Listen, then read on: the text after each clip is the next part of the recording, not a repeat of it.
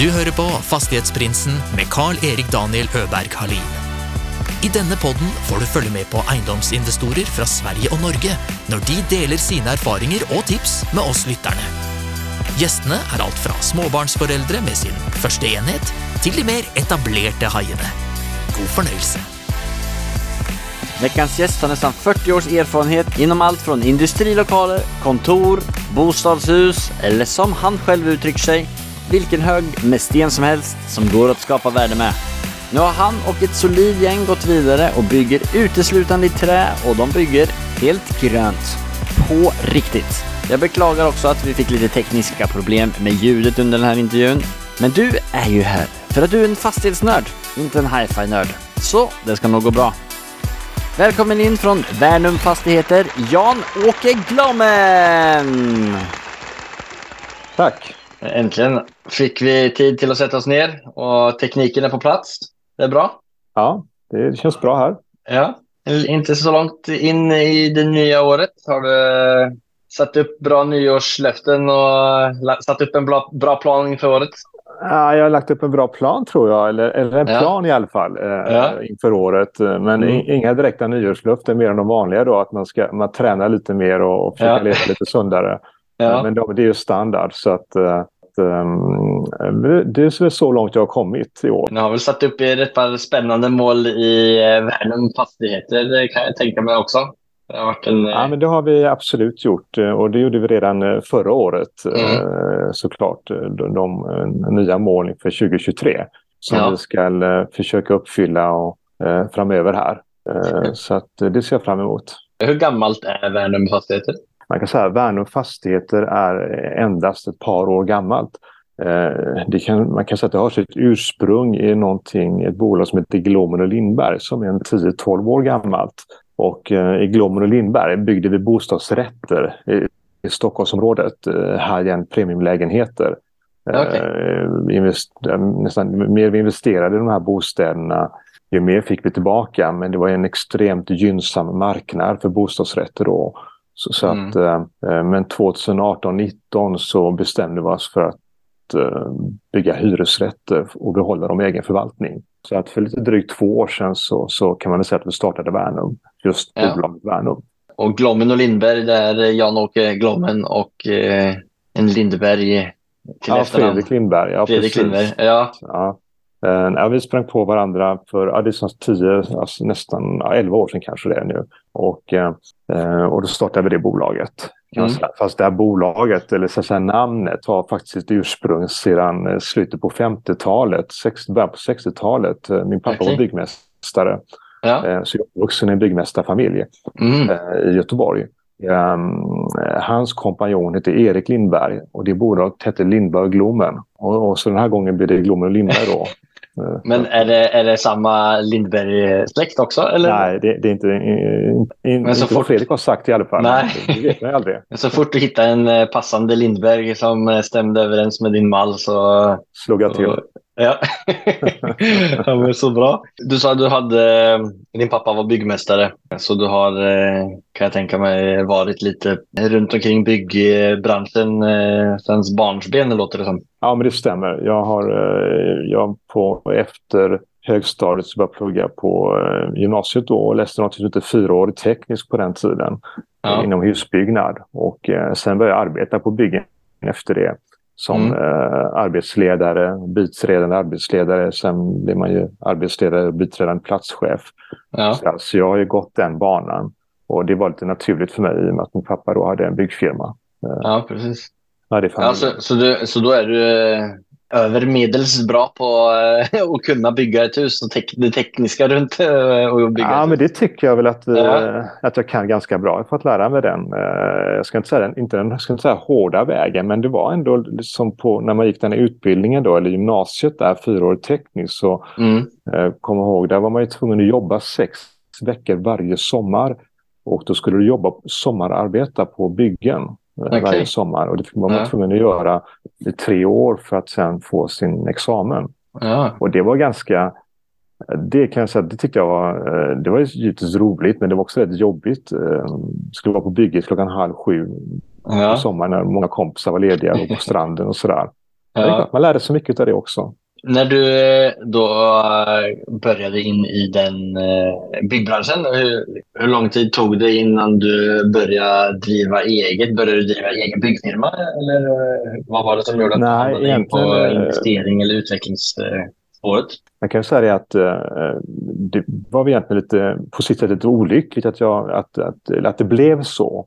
Inte mm. att det blev så, men skälet till det och det var att när jag, ska vi se, väl det, jag, jag är ju på med sedan början på 80-talet, så det är snart över 100 år. Fall 40 år snart. ja. och, eh, och jag hade arbetat ungefär två, lite drygt två år på vårt bolag, då, min pappas eh, firma. Och, eh, mm. eh, så dog han väldigt hastigt, eh, okay. eh, helt oförberett. Och vi, eh, jag och mina syskon då bestämde oss för att vi skulle sälja entreprenadverksamheten. Ja. För att det är ändå Eh, entreprenadverksamhet har en ganska kort horisont. Eh, ja. Du har kanske en horisont eh, framåt på ett till två år. Ja. Och vi, vi, kände att vi vill liksom inte fortsätta med det. Och då sålde vi det och så behöll vi fastigheterna som vi hade i familjen då. Det var mm. inte så många fastigheter men några som min pappa hade byggt. Det var precis i den vevan han dog så hade han köpt en stor industrifastighet utanför Göteborg i Mölndal eh, som var helt tom. Mm. Och eh, den fick vi i knäna, jag och mina syskon. Och mina systrar då var inte så intresserade och ville att den här affären skulle gå tillbaka till, eh, till säljaren, vilket vi okay. hade kunnat göra. Mm. Men, men när man som jag då var 23-24 år, 24 var jag, så, så, då ser man ju bara möjligheter, man ser ju inga hinder. Nej. Så jag tänkte det är väl bara att hyra ut det här huset och, eh, och sen köpa ett till och hyra ut och så vidare. Ja, ja. Så att, eh, så att, det här var i februari månad och, ehm, och det hade jag sån tur givetvis att jag, jag fick tag i något som heter Falcon Bryggerier uh, ja. nere i Varberg. Eh, okay. ett känt företag. Mm. Och då visade det sig att de sökte lokaler i Göteborg. Och då lyckades jag hyra ut den där lokalen, hela fastigheten, på ja. ett långt hyresavtal. Femårsavtal tror jag det var. Okay. Och, ehm, och byggde om den åt dem också. Och i och med mm. det så var det väldigt enkelt att finansiera den. Ja, nej, men det förstår jag. Alltså man kan säga så att där började väl mitt intresse för fastigheter och um, för fastighetsförvaltning och fastighetsinvesteringar. Jag uh, kände väl så här att när man har gjort det där, ja. uh, för där fick jag också i princip full finansiering på den där. Och då kände okay. jag att åh, vad enkelt det här var. Det här, så nu ska jag göra hundra sådana här de närmaste tio åren. ja. Eh, och min lärdom av det där kan jag säga, det var efteråt att äh, riktigt så enkelt var det ju inte såklart. Och det, det ska det inte vara heller. Men det var en bra start. Jag fick en väldigt bra start, så kan jag säga. Mm. Och, och, eh, och, har också särskilt intresse för just industrifastighet. Jag tycker det finns så mycket att göra där, även ja. idag. Det väl, man ska väl ha lite tur i starten. Och just det där tankesättet eh, som är lite så naivt eh, som man kanske har i starten känner jag igen på många, både mig själv och med mm. andra jag har pratat med. Att hade man vetat det man vet idag så hade man kanske inte gjort det på det sättet och då hade man heller kanske inte fått till den eh, bilen som man fick till det de första gångerna. Ja, men det, det, det, var, det var helt, helt rätt det du säger och, och jag, jag brukar också säga så här att det många gånger är tur att man inte vet vad man ger sig in i för att hade man vetat det då är det mycket man inte hade gjort. Nej, precis. Är det något mer sånt som du inte hade gjort som du har tänkt tillbaka i efterhand att eh, det här var, här hade jag verkligen tur? Det finns det säkert eh, och det är klart, jag kan faktiskt inte komma på någonting exakt just i denna stund här. Då hade jag verkligen tur, men det är klart att man har haft tur längs vägen. Ja. Och sen har man ju försökt undvika otur också såklart. Ja. Det, jag, vet inte, jag vet inte om det var Simon Spy som sa det. Framgången till att göra bra affärer, det är att tacka nej till dåliga affärer. Ja. Och det är klart, det låter ju väldigt enkelt, men det, mm. det gäller verkligen att försöka undvika dåliga affärer. Ja. Det är inte alltid så enkelt. Nej. Så att, eh, men sen har man, det har ju varit en otroligt gynnsam eh, eh utveckling på fastigheter egentligen sen mm. ja, början på 80-talet fram till idag. Och um, även om det har varit lite hack i skivan, kan man säga 90-91 där var det ju inte bara ett hack i skivan, det var ju, Nej. där blev det ju tvärstopp. Ja. Um, sen kom det ju snabbt tillbaka igen. Tror, vad tror du om... Eh, är det här ett hack i skivan också? Där vi är nu? Ja, det är, ja, det är den här svåra frågan. Och, och, och kristallkulan man skulle vilja ha framför ja. sig. Ja, men det, jag tror ju... Det kanske, kanske är lite mer ett hack. Det kanske ändå blir lite mer... Eh, det kanske inte riktigt kommer tillbaka på samma sätt. För det är klart att det som har hänt de senaste 30 åren det är ju trots allt ändå att vi har haft en nedåtgående trend på räntan mm. eh, i princip hela tiden. Och, och, och, det är klart att det kanske vi inte kommer ha framöver. Utan det kanske kommer, jag kan inte uttala mig om räntan men Nej. man kanske ändå inte ska räkna med att det ska vara nollränta igen om ett Nej. halvår.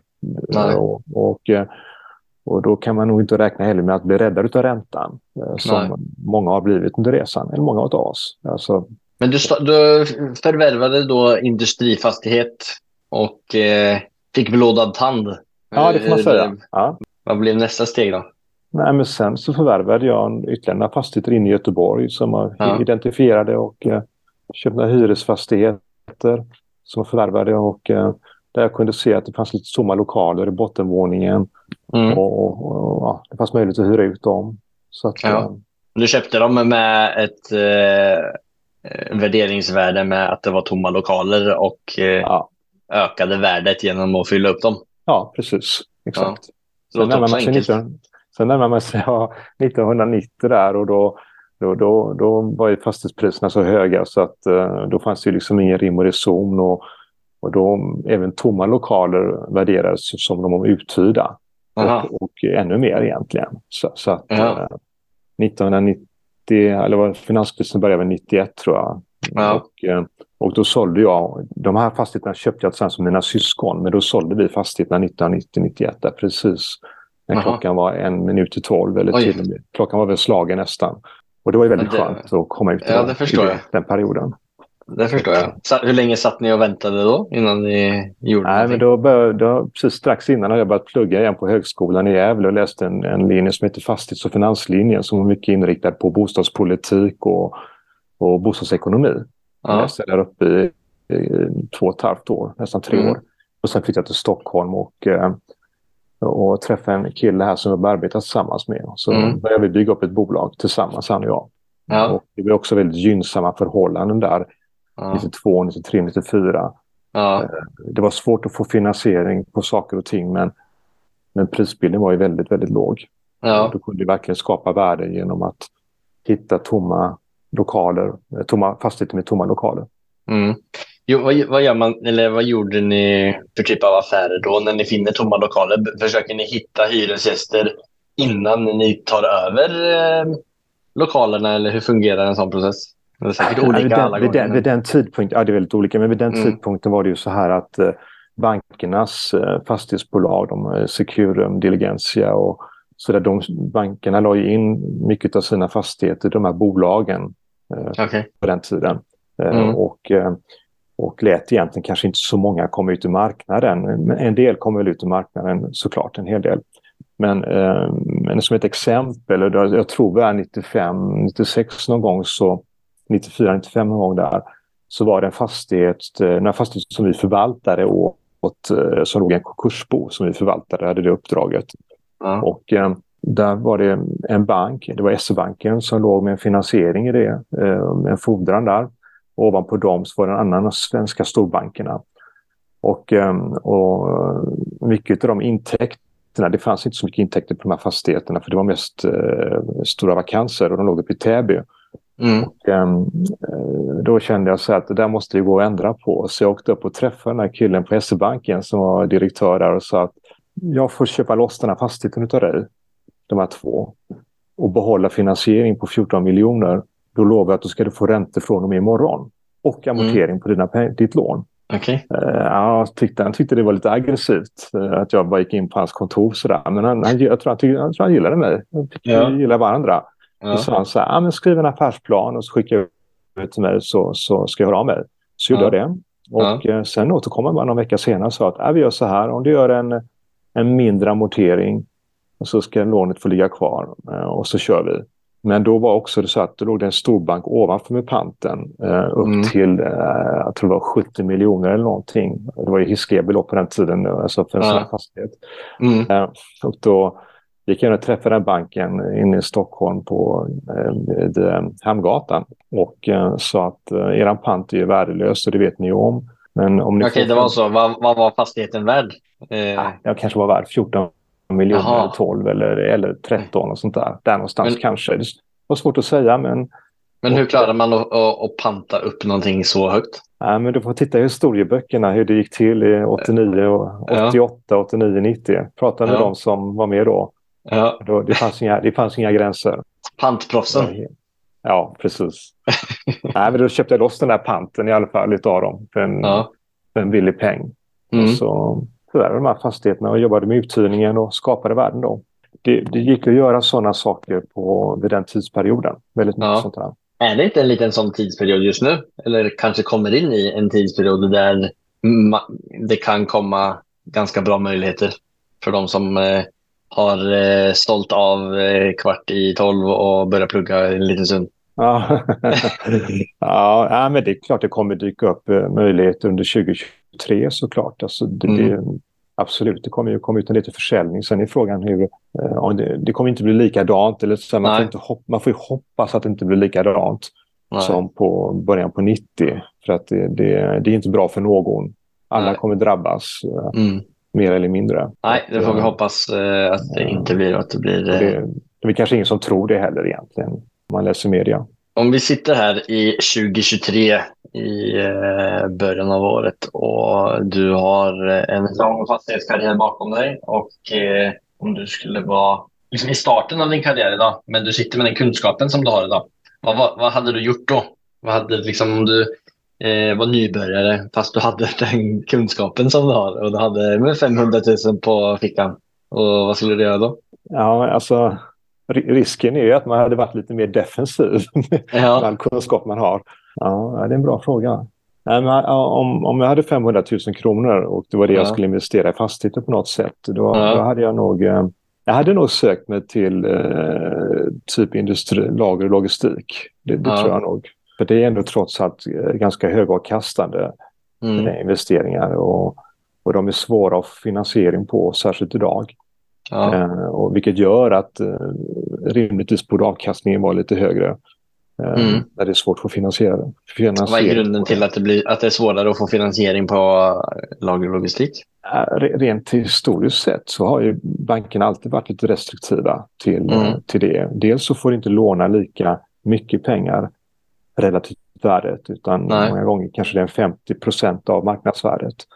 Och det gör ju då i sin tur måste ha mer eget kapital och eh, det är väl därför också de här fastigheterna ger en högre avkastning. Och det tycker jag är ganska, så att jobba lite mot strömmen har passat oss ganska bra under ja. årens lopp. Nej, men jag skulle nog gå, jag skulle identifiera någon sån affär, försöka få tag i det som jag tror på, där, där det går att skapa mervärden. Och sen hade jag ringt upp någon Eh, kapitalstark person eh, och eh, presenterat caset. Mm. Och sen sagt att jag sätter in allt jag äger och har här, 500 000 kronor. Mm. du sätter bara in en, en skärva av din förmögenhet. Och så, och så delar vi lika. Ja, eller dela lika som ja. du kommer in med allt du har och äger och svett och blod och tårar och ja. en bra plan. Och hon eller han med kapitalet får bli med på resan. Ja, precis. Jag tror det är, det är lite så vi har arbetat också under ja. årens lopp många gånger. Och kanske inte allt väger att ha då, men, men, eh, men i början lite grann så, så får man ju eh, man måste ju bevisa att man har kunskapen och, och så vidare. Då måste man också vara beredd att ta lite högre risk kanske eh, gentemot dina investerare. Det är många som eh, har åstadkommit en hel del eh, och önskar då ta liksom, nästa kliv och kanske få med någon lite mer kapitalstark person på laget. Va, liksom, vad är viktigt i en sån dialog med en kapitalstark person alltså, och, och försöka bevisa någonting för dem i det här skedet? Nej, men jag, jag tror ju att eh, skapa eh, förtroende. Ja. Alltså, jag tror det, det, det är avgörande. Skapa mm. förtroende och framförallt inte vara, försöka vara girig och att man på något sätt eh, vill ha så mycket som möjligt själv, snarare tvärtom. Att, eh, att eh, visa att till exempel att investeraren får tillbaka sina pengar först och får sin mm. avkastning först och, och du tar dina pengar sist mm. om det blir någonting över. För att då, då, då känner de ju komfort förhoppningsvis i att, att du vill leverera. Alltså mm. verkligen din utgångspunkt är att leverera.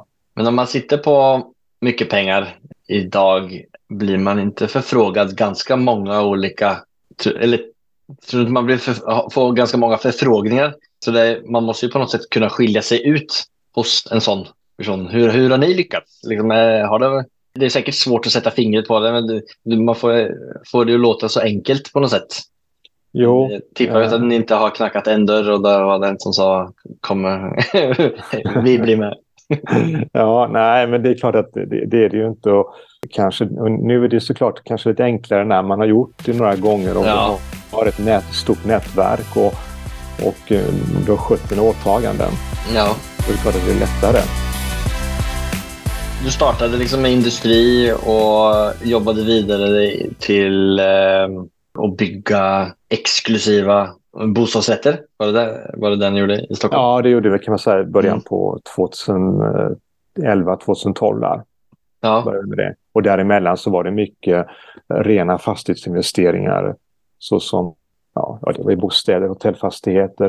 E- Egentligen var utgångspunkten att alla former av tegelhögar där det går att skapa mervärden. Det ja. spelar inte, jo, men det spelar inte så stor roll egentligen. Nej. Utan var det någonting som var felprissatt eller, eller i alla fall som vår uppfattning var att det var felprissatt eller hyrorna var felaktiga eller kanske fel eh, kombination av hyresgäster. Ja, där Mm. det gick att göra någonting för att skapa värde. Eh, Ja. då tittade vi på det. Sen om det låg i, ja, var det låg i Sverige egentligen var inte så noga. Eh, Nej. Men i huvudsak eh, har ni... Har ni Det var det på den eh, tiden det. Idag är det lite annorlunda.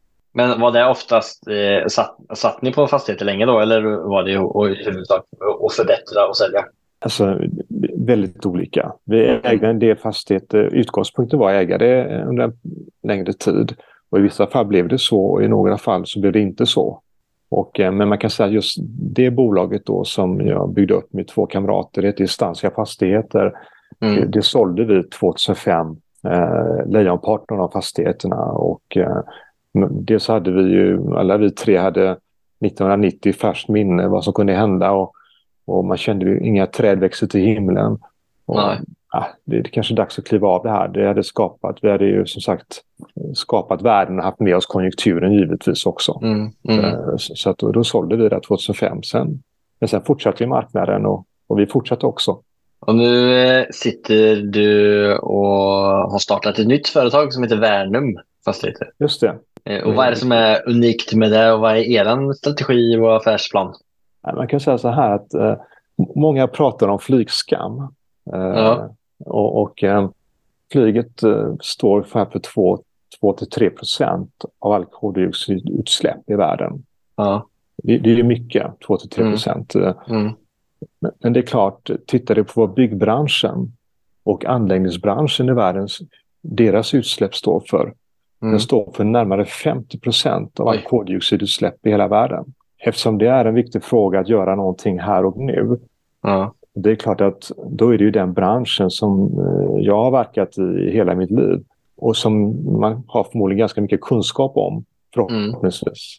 Ja. Erfarenhet. Det är väl Mm. där man kan göra någonting då. Och också skapa ett lönsamt bolag. Ja. Eh, Det, det hänger ihop. Och, eh, och, och Värnum då, det är ett företag där vi bygger hyresrätter. Vi bygger dem för att behålla dem i egen förvaltning.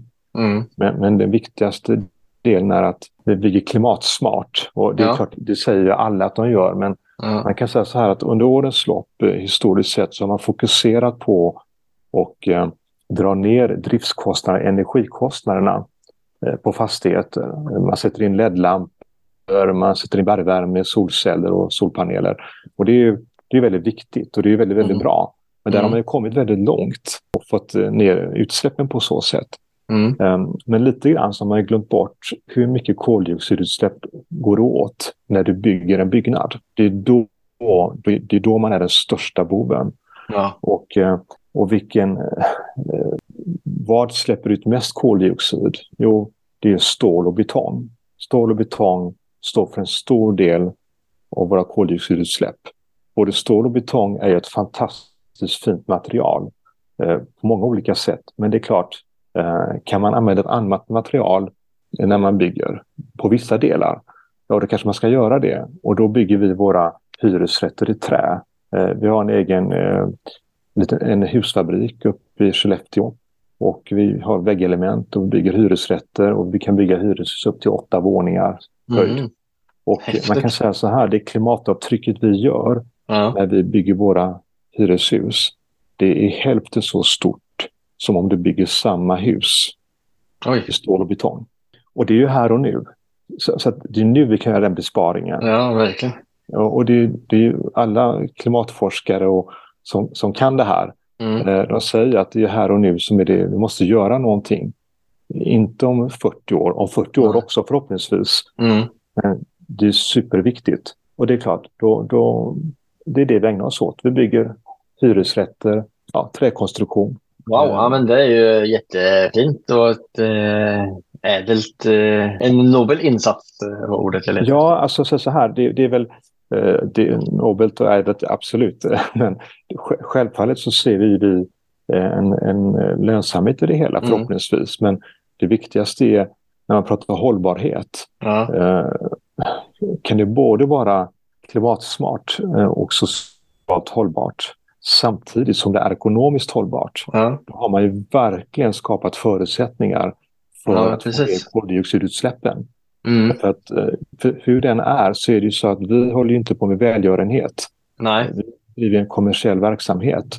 Eh, Men om det kan förenas med att få ner koldioxidutsläppen, då är det, tycker jag, den bästa av alla världar. Mm. Ja, men såklart. Men vad är, vad är grunden till att man har byggt i betong och stål tidigare? Och så finns det några för och nackdelar med att bygga i trä eller, eller har man liksom övervunnit dem som man har trott? Nej, men det har funnits, eh, det har funnits många eh, nackdelar historiskt sett att bygga i trä. Om, eh, många, några då. Det är ju att det är till exempel eh, eh, frågan om brand, hur man tar hand om brand. Eh, eh, och det är frågan om ljud. Eh, Mm. trä fortplantar ljud på ett annat sätt. Det har varit ett problem eh, historiskt sett. Eh, Mm. Idag har man löst det problemet. Nu finns det inga ljudproblem och det finns heller inga brandproblem. Alltså det, att bygga i trä, de uppfyller samma brandkrav som att bygga i stål eller betong. Egentligen kan man säga så här att, egentligen skulle jag kunna säga att det finns inget skäl att inte bygga i Nej. trä. Om Nej. du inte ska bygga väldigt skyskrapor och liknande. För då är det ju en annan... Eh, ah, då, då funkar inte trä på samma sätt. Då måste man blanda in andra material. Men jag vill inte säga att stål och, stål och betong är ett fantastiskt fint material. Men Mm. det är klart, eh, det kanske ska användas mest till broar, Mm. eh, den typen av konstruktioner. Vad är, eh, vart, vart är mm, liksom Värnum om tio år? Vad är liksom den långsiktiga planen med bolaget?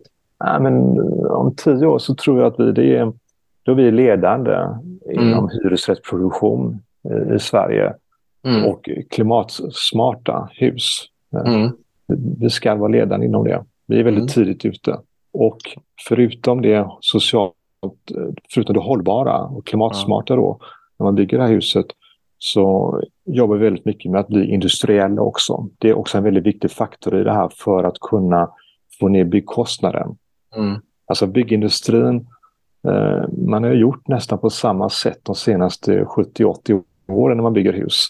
Eh, man kan säga att produktiviteten inom byggindustrin har inte ökat lika mycket som många andra industrier.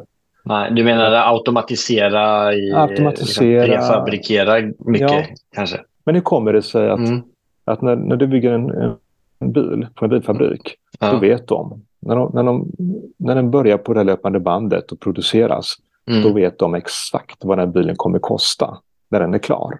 Ja. Det vet man i bilindustrin. Det, de vet på öret vad den kostar när den är klar. Ja. Vad de ska Mm. sälja den för. Men det finns ju inte ett enda bygge. Jag ska inte säga hela världen, men, menar, det enda du vet när det gäller att bygga hus, Ja. är två saker. Och nu kommer säkert många protestera, men jag, jag sticker ut hakan. Ja. Nummer ett är att det blir aldrig billigare än vad du har räknat med. Det blir Aldrig. aldrig, aldrig klart tidigare än vad du har räknat Nej, med. nej, jag tänkte Det vet du när du börjar Ja. bygga ditt hus. Ja. Och det, det är ju en konstindustri egentligen, att man inte Ja. ska kunna ta reda på det. Mm. Och därför tror jag, precis som du säger där, eh, och det är många som håller på med det, eh, automatisering, eh, Mm. prefabricering, bygga så mycket som möjligt på fabrik. För det Mm. klart, kan du bygga på fabrik, då kan du överblicka på ett annat sätt än Mm. när du bygger kanske utomhus, det regnar och snöar och är dåligt väder. Så man ska ha Mm. respekt för det. Och också såklart att det är svårt att överblicka den exakta kostnaden. Men det går. Ja, men det blir spännande att följa med på det. Ni har ju som sagt kommit en lång väg med er eh, prefabrikering och er eh, miljö- och klimatsatsning. Så eh, det får jag önska er massa lycka till med vidare. Ja, nej, men det får du följa upp faktiskt. För det, Ja. det är väldigt intressant. Och vi hoppas ju att många andra, det är ju många andra som bygger i trä idag. Det finns ju Mm. många eh, husfabriker eh, som är superduktiga på det. Mm. Så att, så att, fast de, de bygger mer i volymelement som vi kallar det. Alltså, de bygger färdiga volymenheter. Ja. Eh, vi bygger väggelement. Vi sen, om du tänker som ett pepparkakshus egentligen. Man Ja. bygger, monterar ihop väggarna på plats där huset ska stå. Ja, vad, vad blir skillnaden då? Skillnaden är att ehm, Alltså du fraktar större bitar menar du? Eller? man kan säga så att du kan säga så här. Om du fraktar typ som en container. Då fraktar du väldigt mycket luft på vägarna. Eller hur? Mm. Mm. Det är ju luft inuti. Eh, Fraktar du bara väggelement då kan du frakta väldigt, väldigt mycket mer hus på en och samma långtradare. Alltså mindre koldioxidutsläpp. Mm. Ja, han har tänkt på allt. Nej, men, nej det har vi absolut säkert, det har vi säkerligen inte gjort. Men, och, och, det, det, men vi försöker och vi, ska bli duktigare och duktigare på det. Det är det som Ja. är hela meningen. det. Ja, det ska bli spännande att följa med på. Jag pratade med en av era kollegor och eh, ja, sa att eh, kanske får bli inviterad till er fabrik och se hur det försiggår där en gång framöver. Ja, ja men du, du är väldigt välkommen. Du ska prata med dem hos oss som kan det här betydligt bättre än jag. Ja, ja, ja men det, ska, det får vi följa upp. Ja. Eh, nu har vi kommit fram till vårt nästa segment som heter affärsanalysen. Ja. Det är det strukturerade moment där vår gäst delar med sig om en genomförd affär, vilken typ det var, vart den var lokaliserad, hur den gick till och så vidare. It has not been easy for me. And, you know, I, I started off in Brooklyn. My father gave me a small loan of a million dollars. Affärsanalysen. Är det någon speciell deal som du har tänkt att det kan vara intressant att dela med dig om? Så, Det är så många dealar som har varit intressanta. man, man har gjort, inte. ja, faktiskt. Ja. Många som är intressanta och varje har Ja. varit unik på sitt sätt. Men finns det någon som är lite relevant kanske i dagens, alltså som man kan relatera till idag? Eh, alltså som är lite under samma regelverk? Ja, men så, så här, det är det som... Jag kan prata om en affär som vi har gjort här som vi, som vi förvärvade egentligen innan vi eh, startade upp det här Värnum. Men, Ja. och, det, och det var en fastighet vi köpte i centrala Stockholm. I första hand tänkte vi att vi skulle själva ha kontoret där nere. Mm. Det var därför vi gjorde det. Vi avvek lite grann från våran eh, eh, Värnum affärsmodell. Utan vi Ja. köpte ett hus, eh, byggnad inne på strax eh, ja, norr om Stureplan. Bara ett par hundra, hundra meter ifrån där. Mm. Och eh, varför jag tar upp den, det är för att jag, eh, där gjorde vi faktiskt, vi hade en affärsplan, vi hade en tanke från början till slut. Och vi, vi följde den ganska hyggligt bra. Vi tog eh, rätt beslut längs vägen. Det blev ungefär som vi har tänkt oss. Det blir aldrig exakt som man har tänkt sig. Det ska man ha som utgångspunkt när man gör affärer, vad det än är för affärer. Det Ja. kommer aldrig bli exakt som du har planerat. Nej. Det måste man veta från början. Det är sällan det blir det i alla fall. Ja. ja de, Eh, Men den här, här köpte vi och eh, en kontorsfastighet eh, där det fanns möjlighet att bygga på fyra våningar på taket. Eh, Mhm. Det var inte helt givet, men det var det som var vårt, kan man säga, ja, bett. Att vi Ja. skulle få igenom det med, med Stockholms stad. mm. Och, och där började vi arbeta med detaljplanen, eller rätt sagt började arbeta med bygglovet. Ja. Och det visade sig att vi får igenom det bygglovet så som vi hade önskat oss. Eh, Det blir ungefär som vi hade planerat från början. Mhm. Och eh, sen kommer den här pandemin. ja. Eh, och eh, vår avsikt var ju då att bygga på de här fyra våningarna och, och renovera befintlig byggnad. Och sen sätta oss där på ena våningsplanet och även en av våra partners skulle ha två våningsplan och resten Ja. skulle vi hyra ut. Mm. Kommer pandemin och vi blir väldigt nervösa då och känner att hela, alla ska jobba hemifrån. Ingen kommer Mm. jobba på kontor längre utan alla kontor i världen kommer stå tomma. Det var ju liksom Mm. det som ja. Eh, alla, alltså inte alla trodde, men det var väldigt mycket som man pratade om. ja. Eh, eh, samtidigt som det sker då, eller eh, marknaden går åt det hållet kanske, så upplever vi ändå att det finns ett stort intresse för att uh, hyra ut de här delarna som, som vi själva inte ska ha. Och då hittar vi en hyresgäst, men då vill den hyresgästen ha hela byggnaden. Och då Ja, väljer vi att hyra ut hela byggnaden. Ja, det blir för dyrt för oss att flytta dit själva. Jag, nu, nu tyckte jag att de fick en ganska billig hyra i och för sig. Ja, ja. Men, eh, och då valde vi att hyra ut hela byggnaden och bygga Ja, den ja. klar till dem. Vad jag vill säga med det här är att nej, men just, just den affären eh, följde liksom eh, vår plan ganska väl. Inte Mm. exakt som vi hade tänkt oss, men vi tycker att vi tog rätt beslut eh, hela vägen. Och idag har vi sålt den här fastigheten. Den är klar, de, de hyresgästen flyttar in 1 januari. Jag vet inte om det var det du frågade efter. Ja, nej, nej, men det är- av, Jo, nej, men det, är- det är ju liksom eh, intressanta affärer som man har eh, man varit igenom som på något sätt kan ta en, som man kan ta en lärdom av. Liksom, Jag kan ta en annan affär om du vill. Som man kanske tar mer lärdom utav. Mm. Och- Det var ett, eh, en fastighet nere i Nynäshamn som jag och så två av mina kamrater köpte 1998. eh, Ganska länge sedan. Mm. Av, Televerket. Det hette ju Televerket på den tiden. Mm. Det var en, en av Sveriges största konferensanläggningar. Och eh, på tal om att göra analysen och kanske inte göra hemläxan.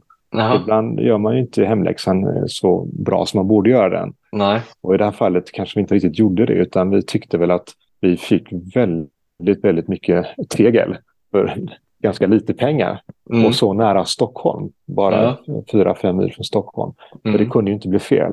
Eh, och eh, den här konferensanläggningen, det var 200, 400 bäddar i den och vi hade innan då i alla fall gjort lite hemarbete och identifierat andra konferensanläggningar norr om stan som hade en helt annan beläggning än den här i Nynäshamn eh, och dessutom hade en helt annan prisbild per rumsnatt Jaha. på mm, hotellrummen.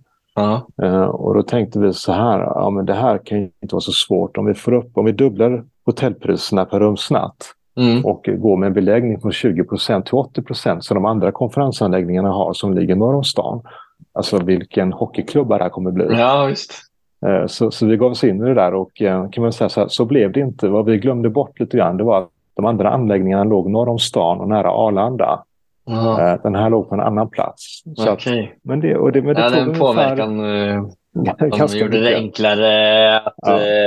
flyga in och bara ta en konferens. Ja, nej, men det, var, det är en helt annan värld. Och, och, ehm, men det, vi var ändå rätt Men- långsiktiga och ihärdiga. Så vi höll Mm. på med den här fastigheten i 22 år. Och jag fick hjälp av mina kamrater här då, som jobbar på Värnum som tidigare var på Glom och Lindberg här och driva Mm. detaljplan. Och så byggde vi bostäder där nere. Så att nu är den såld och det blev till, till slut en ganska hygglig affär. Till slut blev det en hockeysticka. Ja, nej, det, blev det inte. men lärdomen där, Först och sen, men ja. lärdomen där kan jag säga så här och det försöker jag med mig numera. Det är, man ska vara vid sin läst. Ja, Alltså det, det, vi, vi, kan, vi kunde inte hotell och vi nej nej, skulle inte ha gett oss in i det.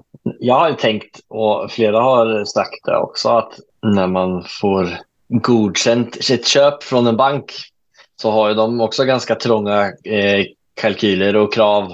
Så klar, klarar du att få igenom en bra en eh, affär så ska det mycket till för att det ska vara en dålig affär. På nå- någonstans så måste ju de tro på er affärsplan och ni har sålt in den bra och ni kan visa till det. Men så är det en faktor som varken ni eller banken klarar av att se. Så som det här med Arlanda då kanske. Som påverkar väl eh, affären väldigt eh, negativt. Ja, det, är ingen, det- det, ingen, det- ingen eh, liksom, eh, poängen var att det är, det är egentligen ingen eh, kudde att vila på att banken hjälper dig att finansiera ett köp. Nej, Nej. nej, det, det, jag, jag, jag, nej, det är det inte. Nej. Det, bara för att banken säger ja så ska man inte räkna med att den är bra. Och det, och det betyder ju inte att inte banken vet vad de håller på med. Men, men, men man måste ju själv veta vad man håller på med. Ja. Det är ju det som är det viktigaste. För det är klart, är du duktig på att sälja in saker så, så kan du få Mer saker.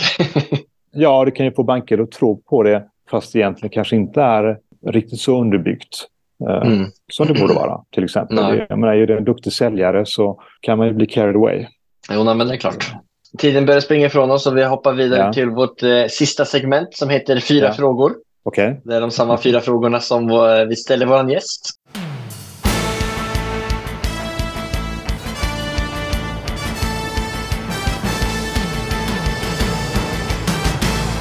Cuatro preguntas. Och den första frågan är, vad är det som skiljer en framgångsrik entreprenör mot de som inte lyckas, slutar eller aldrig kommer igång? jag tror väl att eh, dels handlar det väl om, om risk. Att eh, du måste vara beredd att ta eh, lite risk, men det måste givetvis vara kalkylerande, kalk kalkylerad risk. Mm. Men, men, sen är det hårt arbete eh, och, och, långsiktighet. Och, och jag menar, det behöver kanske inte vara långsiktighet med just eh, till exempel den fastigheten du köper, men långsiktighet i ditt sätt att arbeta. Mm. Eh, det tror jag. Du måste liksom tänka långsiktigt när du arbetar med sådana här saker, även om du äger sak, fastigheten ett kortare tag. Och du måste vara beredd att ta risk. Och, men sen tror jag också att du ja, skapar goda relationer med människor mm. runt omkring dig. Jag tror det, det, är, det är viktigt. Har du någon, har du någon sån här, det här är min största lärdom eh, i fastighetsbranschen? Nej, man, lär sig saker hela tiden. Ja, förlåt att jag ja, Man lär sig saker hela tiden. Nej, men, om du hade varit, liksom, om du hade fått säga någonting till dig eh, tidigare i karriären, eh, tänk på det här. Eller eh, om du hade fått ge ett råd till dig i starten. Nej, men det är väl kanske att um, se till att ha någon form av fallback på något sätt mm. när, du gör, när du gör in i någonting. Att du har någon form av ska vi säga, skyddsnät så att uh, skulle du köra i diket, vilket uh, händer, kan hända de bästa familjer, det är inget konstigt alls. Mm. Uh, men spänner man bågen så kan det ju faktiskt gå av och det, det är ju tråkigt att aldrig provat att spänna bågen. Det är ja. nästan bättre att den går av då om man aldrig har provat. Eller kanske inte riktigt, men, men försöka ha någon kanske fallback och så att skulle du köra diket så, så har man möjlighet att reda, reda ut det. Ja, ja, men det var ett bra tips. Eh, men jag tror som, eh, jag försöka skapa goda relationer. Jag tror det är det viktigaste du har när du gör affärer. Mm. Eh, när du börjar en sån bana och mm. ha vänner, skapa vänner. Och för att det, dels är det roligt och trevligt med ja. relationer och spännande. Men, mm. men man kan också affärsmässigt få användning för det. Ja, men jättemånga bra tips. Det, om alla fastigheter var tillgängliga för dig, om pengar inte var motivationen, vilken fastighet hade du förvärvat och varför? Jag förstår att jag skulle få den frågan, men jag, jag tycker det är inte svår, men jag skulle nog hålla mig i Stockholm. Eh, ja. Det så jag, jag gillar ju Stockholm, jag tycker det är en av världens vackraste städer. Mm. Så himla ja, fint. Det är jättefint. Och, um, jag gillar den lite mer det äldre, det är mycket gamla hus, sekelskiftshus eller ännu ja. äldre. Jag, jag, jag landade i Sagerska huset, Sagerska palatset. Sagerska? Nästan så att jag måste eh, googla det. Ja, det var inte dumt. Det var ett fint gammalt hus. Hur gammalt är det? Jag tror det kan vara för att få, så att säga, det, det tar renoveras för ungefär 150 år sedan. Är det där som är inklämt mellan, alltså, mellan två hus? det, det, det, är statsministerbostaden. Jaha, Statsministern ja, bor där. Jag ja. tror sedan en, eh, eller statsministern har bott där sedan många ja. år tillbaka. Du har egentligen en eh, dröm om att vara statsminister? Ja. Ja. Nej. uh, har du något bra boktips för en som är intresserad i fastighetsinvesteringar? Det, det är en, en bok, säkert många som läste den, men kanske, men dels är den här tulpankriget eller tulpanfeber.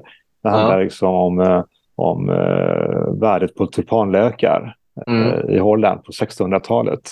Mm.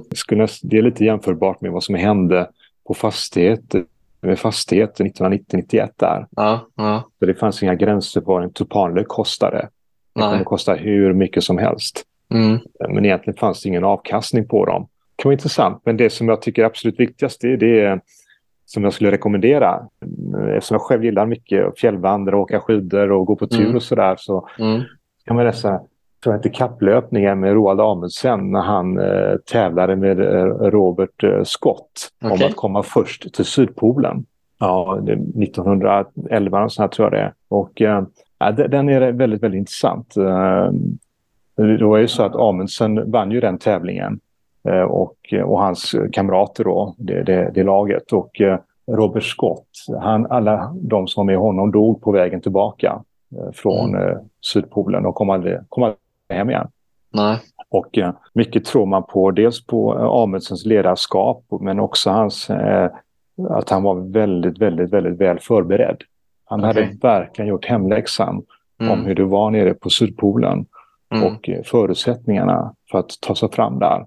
Eh, men sen hade han också ett annat mindset. Man hittade dagboken, eh, dagböckerna hos Robert Scott eh, när man hittade dem kropparna. Mm. Och eh, där kunde man läsa första dagen när eh, Scott och hans gäng då tar sig fram upp på den här platån. Sydpolen ligger på en hög platå. Mm. Eh, så, så skriver han någonting om att detta är den värsta platsen på hela jorden. Det, är det, det, detta är helvetet på jorden. Mhm. Eh, Men så har man läst ungefär samtidigt Roald Amundsens dagbok. Ja. Och där står det så här. eh, Skicklig föridag. Skicklig dejlig föridag. Så, här, så att eh, eh, han, eh, ah, hans mindset var ju något helt Ja, du annat. tar med det mindsetet liksom, Ja. eh, in i fastighetsbranschen Ja, och det där du har lärt dig därifrån. Ja, Ja. men det var så bra, lite annorlunda boktips och det ska jag skriva ner och eh, undersöka. ja, gör det. Den är... Och så får man sätta upp delmål. Du kan inte ha, du kan inte ha Sydpolen som första målet utan du måste Nej. ha delmålen annars kommer du inte fram. Det är ju osportsligt. Det, är klart att en norrman ska vinna ett sånt här kapplöp. Som, eh, Jo, det var ju ganska givet faktiskt. ja. Nu kanske till det mest viktiga här i den här, eh, det här samtalet. Eh, Nämn det mest storartade, roliga eller minnesvärda sättet som du har firat en genomförd seger eller affär på. Ah. Nej, men så, så här, man har ju haft förmånen att vara på ma- massor av trevliga och eh, Ja. fina, som, eh, fina closing dinners med massa Ja. god mat och goda viner Mm. och sådär. Så det, Ja. det, det har ju hänt längs vägen. Så det, Ja. Och det är man väldigt tacksam för också. Ja. Men det som kanske är mest, eh, som jag nämnde tidigare, jag, jag gillar ju fjällvandring, gå på tur på fjället och sådär. Och, eh, Mm. och mitt andra intresse i livet är sjöflyg. Flyger mycket sjöflygplan och Mm. ägnar mig åt Mm. det. Det är en naturupplevelse.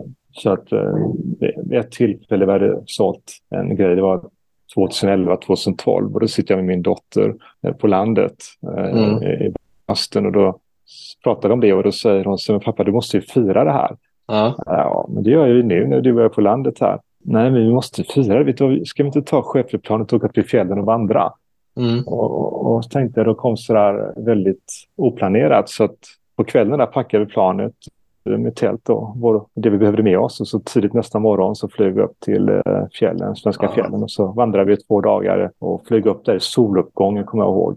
Ja, så Sen så flög vi hem. Ja, men just att få göra det tillsammans med sina barn är ju Ja. det, det är kanske det mest eh, som man förknippar med någon form av fastighetsaffär som firades.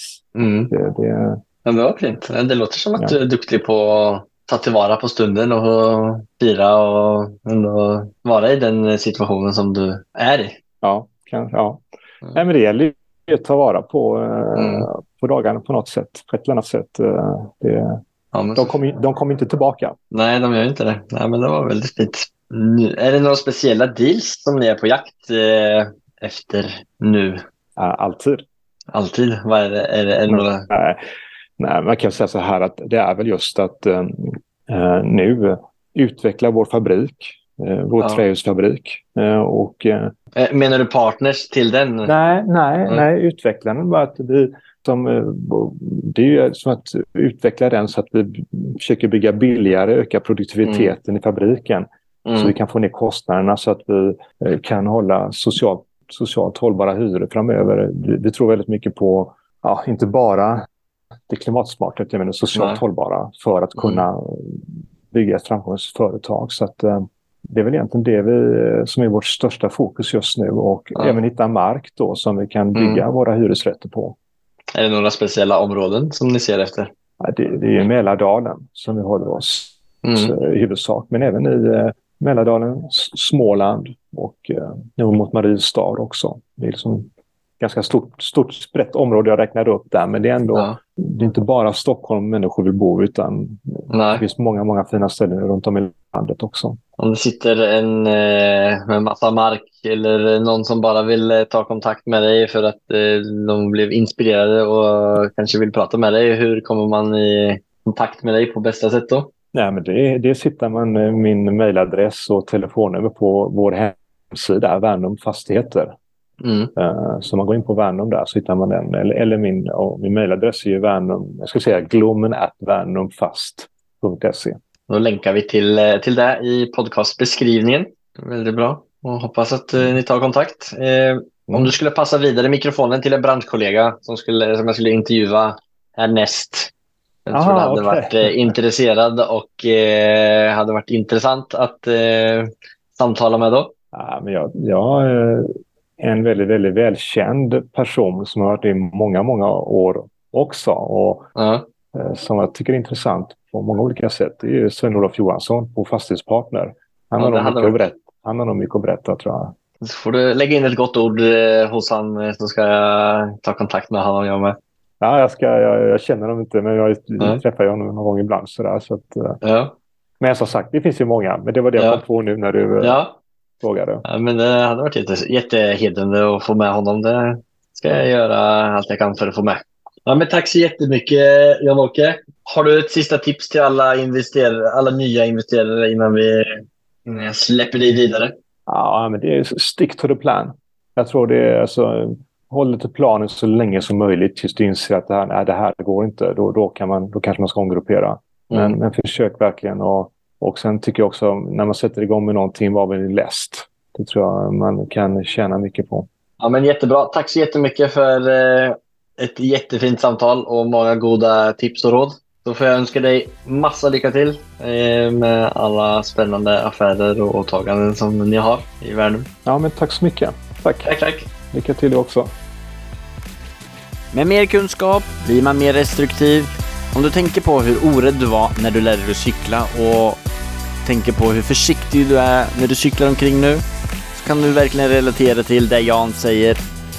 De bästa affärerna är de du inte gör. För en dålig affär kan sätta dig tillbaka flera år och kanske slå dig helt ut av spel.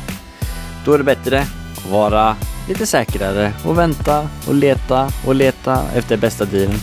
Det tar jag med mig från det här avsnittet. Vänum ligger i framkant med sin gröna byggteknik och kommer garanterat bli belönad för det när i framtiden det blir ännu strängare byggkrav. Jag ser också väldigt mycket fram emot mitt studiebesök i fabriken och få följa med Jan och Vänums resa framöver. Jag önskar dem massa lycka till! Och för dig som är väldigt intresserad i fastighetsinvesteringar, vilket du förmodligen är eftersom att du är här och lyssnar idag, så rekommenderar jag dig och ber dig att följa våran podcast på den plattformen som du lyssnar på. Och var så snäll, ge oss fem stjärnor om du tycker om det du lyssnar på. Och hoppa gärna in och följ oss på Instagram om du är där. För mer inspiration, tips och lärdomar. Det kommer ett avsnitt varje måndag. Så bara häng med där och tack så jättemycket för att du lyssnade. Ha det!